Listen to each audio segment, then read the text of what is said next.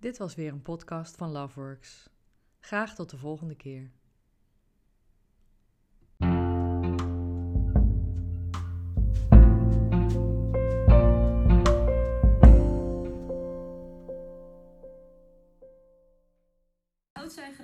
houtzuigerij naast je in bed met koude voeten. En hij pakt ook nog eens je dekens af. Je kan oordopjes in gaan doen, sokken aantrekken en een eigen deken kopen. Of je kan ervoor kiezen om apart te gaan slapen. Maar wat betekent dat voor je relatie om niet samen in één bed te liggen? Jacqueline Evers, ja, kan, wel, uh, kan ik wel zeggen, onze eigen huistherapeut. Goedemorgen. Goedemorgen.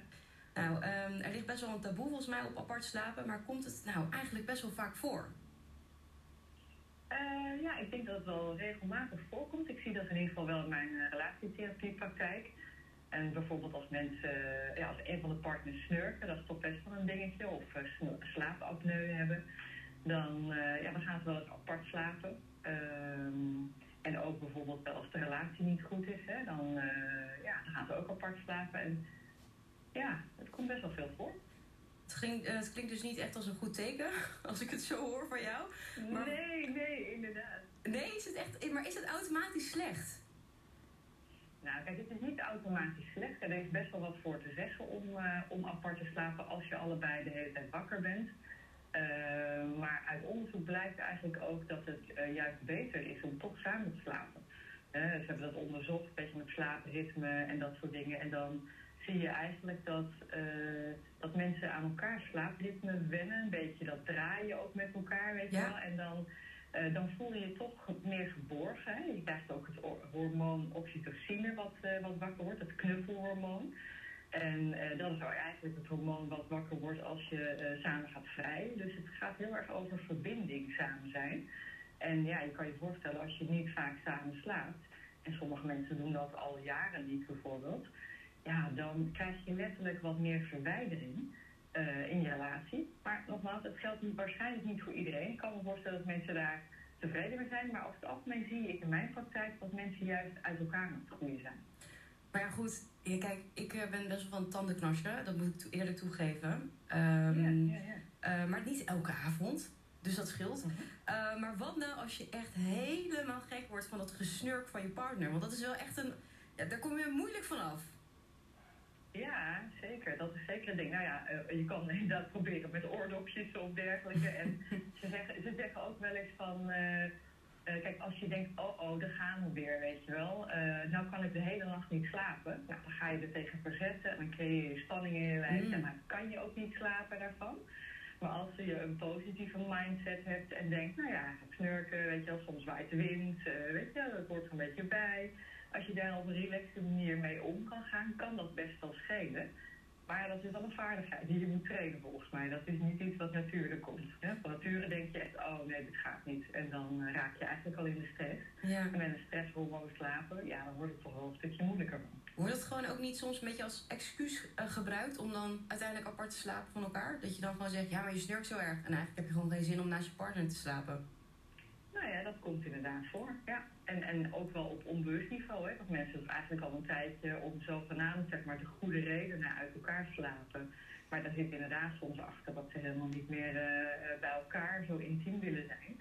En soms worden ook wel de kinderen daarvoor hmm. gebruikt. Mm. Zou je kunnen zeggen, nou, ik val even bij mijn kinderen slapen, want ik ben een boekje aan het lezen of zo. En dan, uh, nou, dan blijf ik daar maar liggen, zoiets, hè. Ja. Ja, het, het, het, het, uh, het, het, hoeft geen probleem te zijn. Want ik voorstellen dat er heel veel reacties in de uitzending komen. Nee hoor, ik slaap prima apart voor mijn partner. Nou, dat is echt supergoed.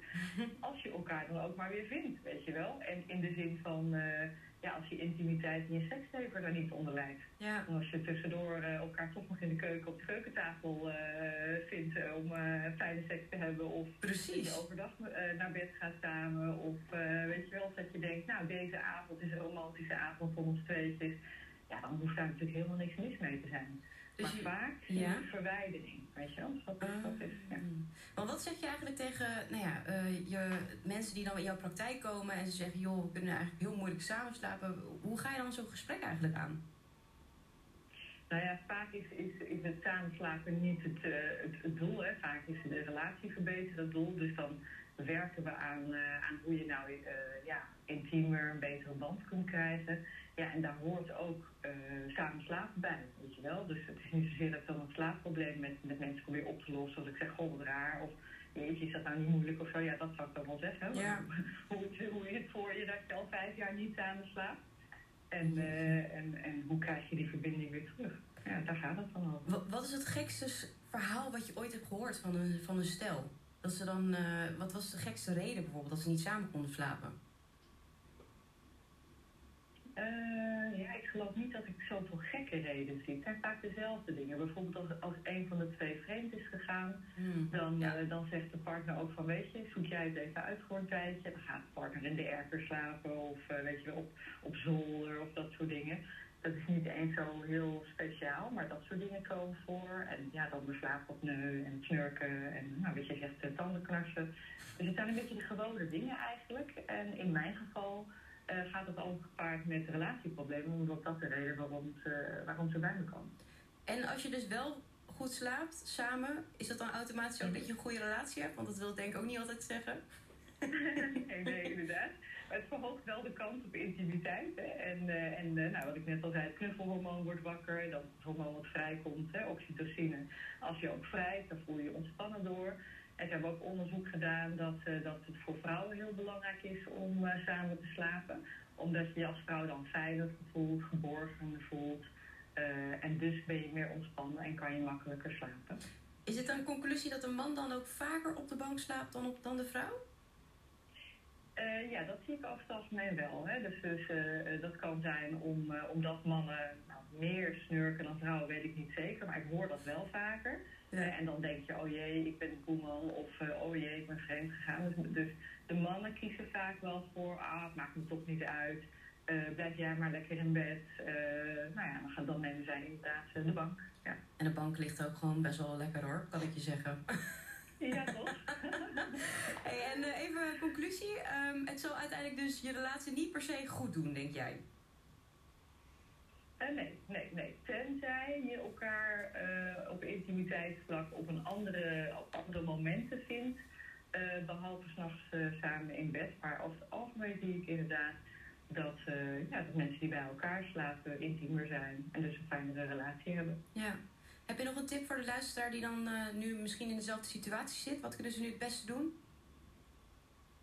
Erin ontspannen, denk ik. Ja, erin ontspannen en, uh, en erop vertrouwen dat, dat je lichaam gewoon zorgt dat je slaapt. Want wat ook wel interessant is, dat sommige mensen die denken dat ze heel slecht slapen of heel vaak wakker zijn. En als die dan een, een horloge omkrijgen, weet je, om te testen hoe je hebt geslapen dan zie je toch vaak dat mensen best heel goed slapen. Alleen je hebt natuurlijk verschillende soorten slaap. Hè. Je remslaap en wat dieper en minder diepe slaap. Uh, dus soms denk je dat je heel erg wakker bent en niet uitrust. Maar als je daar gewoon een beetje bij neerlegt uh, en ervan uitgaat dat, het, dat het lichaam dat allemaal regelt, dan nou, kan je eens kijken hoe je dat gaat helpen. Duidelijk. Dankjewel Jacqueline Evers, relatietherapeut. Welkom terug bij de Loveworks podcast die je inspireert om je relatie te verbeteren. Mijn naam is Jacqueline Evers.